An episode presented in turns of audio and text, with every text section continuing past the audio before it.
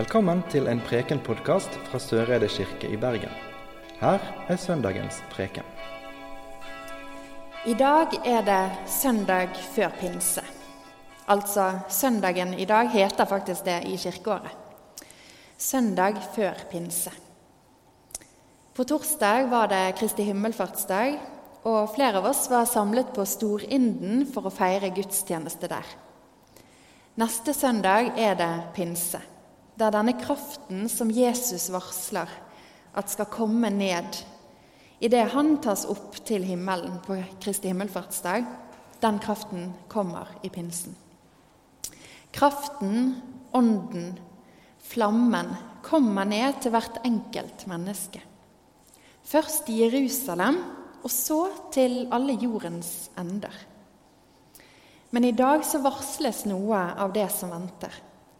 Prekenteksten i dag er fra apostlenes gjerninger, den boken i Bibelen som forteller hva som skjedde etter at Jesus var dratt til himmelen, og disiplene begynte å forkynne evangeliet om den korsfestede og oppstandende Jesus Kristus. Forkynnelsen gikk fra Jerusalem og ut til alle folkeslag. Før jeg går noe videre, så vil jeg stoppe litt opp med Jerusalem. Jeg syns for tiden at det er vanskelig å lese tekster om alt håpet som knyttes til Jerusalem gjennom vår og andre religioners skrifter og tradisjoner. Nyhetsbildet viser at Jerusalem er alt annet enn fredens by. Jerusalem, Israel og Palestina er preget av frykt, vold og store lidelser. Og Det som har skjedd de siste ukene og dagene, er ikke isolerte hendelser som har oppstått i et vakuum. Okkupasjonen koster, både for den okkuperende makten og for de som er okkupert. Okkupasjonen koster òg for våre kristne søsken i området. At de som lever tettest på de stedene der Jesus levde, døde og sto opp, at de lever under disse forholdene, det gjør meg skikkelig trist. Men de kristne i Palestina de identifiserer seg med den lidende Kristus. De bærer sår på kroppen etter tiår under okkupasjon. Og likevel lever håpet, selv om det akkurat nå virker ganske håpløst. Tilbake til søndag før pinse og apostlenes gjerninger. Apostlenes gjerninger er skrevet av Lukas den samme legen som skrev Lukasevangeliet. Denne boken forteller altså hva som skjedde etter Kristi himmelfart. Og det er spesielt én person som blir viktig. Han heter Paulus. Og Dagens prekentekst den finner sted i Cesarea, en havneby nord for Tel Aviv i dagens Israel. Byen var, som navnet tilsier, grunnlagt til ære for Augustus Cæsar. Og Den er bygget som en uh, europeisk havneby og ligner veldig på havnebyer som vi kanskje kjenner bedre fra Italia, Spania eller Hellas. Og Der satt Paulus i fengsel i to år fordi han drev kristen misjon i Romerriket. Og Vi skal huske på at Romerriket var av, uh, et av historiens mektigste imperier. Og misjonen Paulus drev med, den ble tolket som et opprør mot keiseren og mot hele riket. Paulus brukte begrepene 'Herre' og 'Guds sønn' om Jesus. Og I Romerriket var jo dette titler som ble brukt om den romerske keiseren. Paulus reiste òg rundt med budskapet om at alle andre guder, inkludert de romerske, var falske og maktesløse. Det fantes kun én gud, og det var Jesus Kristus. Altså var det lett å stemple eh, Paulus som en trussel og opprører mot Romerriket. Ikke ulikt som, hvordan han stemplet Jesus. Det var likevel vanskelig å finne grunnlag for at det var tilfellet. Og styringsmaktene syntes tilsynelatende at det var vanskelig å vite hvordan de skulle håndtere Paulus. Og Nå har han altså sittet i fengsel i Cesarea i to år, og han får besøk av kong Agrippa. Kong Agrippa var barnebarn av Herodes den store. han som sto bak barnemordene i Betlehem etter at Jesus ble født, da Herodes fikk høre ryktet om en mektig konge som skulle ta over jorden. Kong Agrippa har ikke et like ille rykte. Han hadde ansvar for eh, tempelet i Jerusalem og var derfor godt kjent med jødisk religion og kultur. Når kong Agrippa besøker Paulus i fengselet, så holder Paulus en forsvarstale. Og I talen så forklarer Paulus hvorfor han har hatt dette voldsomme kallet til å misjonere. Han som før drev og forfulgte og drepte kristne, har sjøl blitt en kristen. Og måten han eh, misjonerte på, er jo litt ironisk. For han brukte veinettet som romerne hadde bygget mellom alle byene i riket, og knyttet veiene og byene sammen. De brukte Paulus for å misjonere. Og Den veien hadde han gått, med budskapet om et rike som står i sterk kontrast til Romerriket. Riket Paulus har forsynt, er Guds rike. Guds rike som kjennetegnes av selvoppofrende kjærlighet til beste for fellesskapet, med Jesus som forbilde. Han sitter altså i fengsel som følge av denne misjoneringen, noe han sjøl mener er feil. Han har ikke brutt jødisk lov. Han har ikke gått imot Skriften. Han har eh, forsynt Jesu død og oppstandelse i harmoni med Skriften.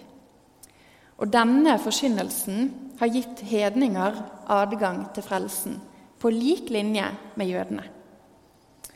Og Sånn her er forsvarstalen.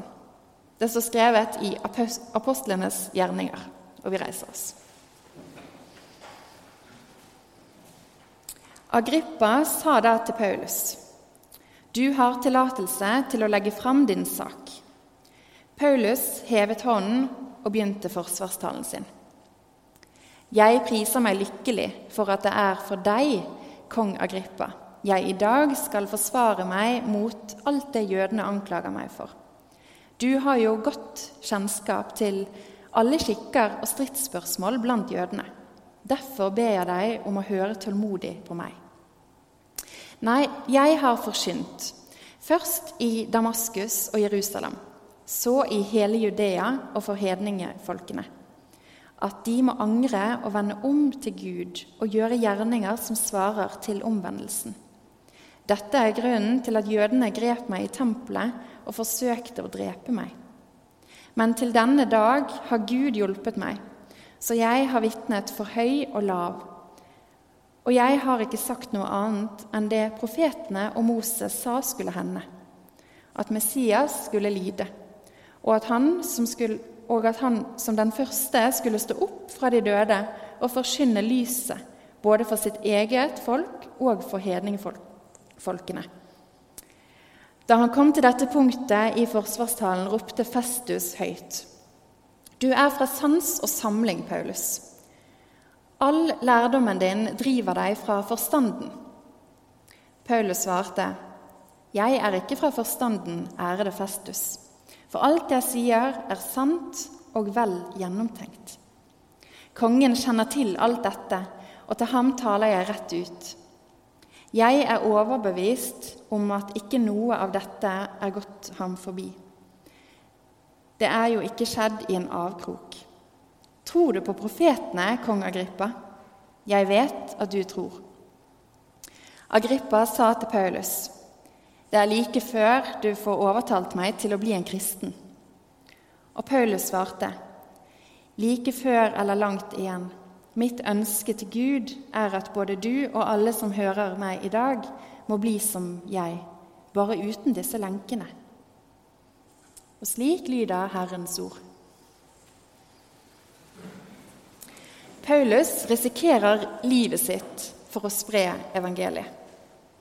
Etter denne talen så settes han i husarrest i Roma, der han fortsetter å dele evangeliet til alle han møter. Gjennom Paulus, som er villig til å lide og dø for Jesus, så vokser Guds rike fram midt i verdens største rike, Romerriket.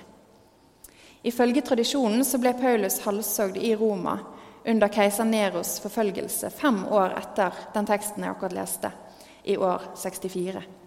Samme dag som disippelen Peter ble korsfestet. Jeg fascineres stadig av motet Paulus viste. Jeg tenker at Han nesten må være definisjonen på å ha hjertet på riktig sted.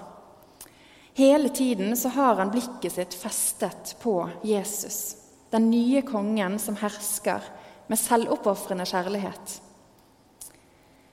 Måten Paulus forkynte evangeliet på, tiltrakk seg alle slags folk. Og det som trakk folk, var fortellingen om Jesus og hvordan hans kjærlighet skapte fellesskap der alle ble behandlet som like, uavhengig av etnisitet, kjønn eller økonomisk status. På søndag før pinse så er håpet mitt at vi som kirke og borgere i denne verden strekker oss etter dette. Kjærligheten som skaper fellesskap, til tross for alt som skiller oss fra hverandre. Men til det trenger vi håp. Våre egne og verdens problemer trenger at vi håper. Menneskene i Jerusalem, Israel og Palestina trenger at vi håper. Og med håpet så tror jeg at vi lettere gir plass til Ånden som kommer i pinsen. Ånden som kan snu alt opp ned og gi nye muligheter. Ånden som gjør at det som virket umulig, blir mulig. Ære være Skaperen, frigiveren og livgiveren, som var, er og være skal. En sann Gud fra evighet og til evighet. Amen. Du har nå hørt en Preken-podkast fra Søreide kirke i Bergen. Vi samles til gudstjeneste hver onsdag og søndag, og har ellers arrangement for alle aldre. Følg oss gjerne på Facebook og Instagram, eller finn oss på kirken.no soreide. Takk for at du hørte på. Inntil vi høres igjen, ha en god uke.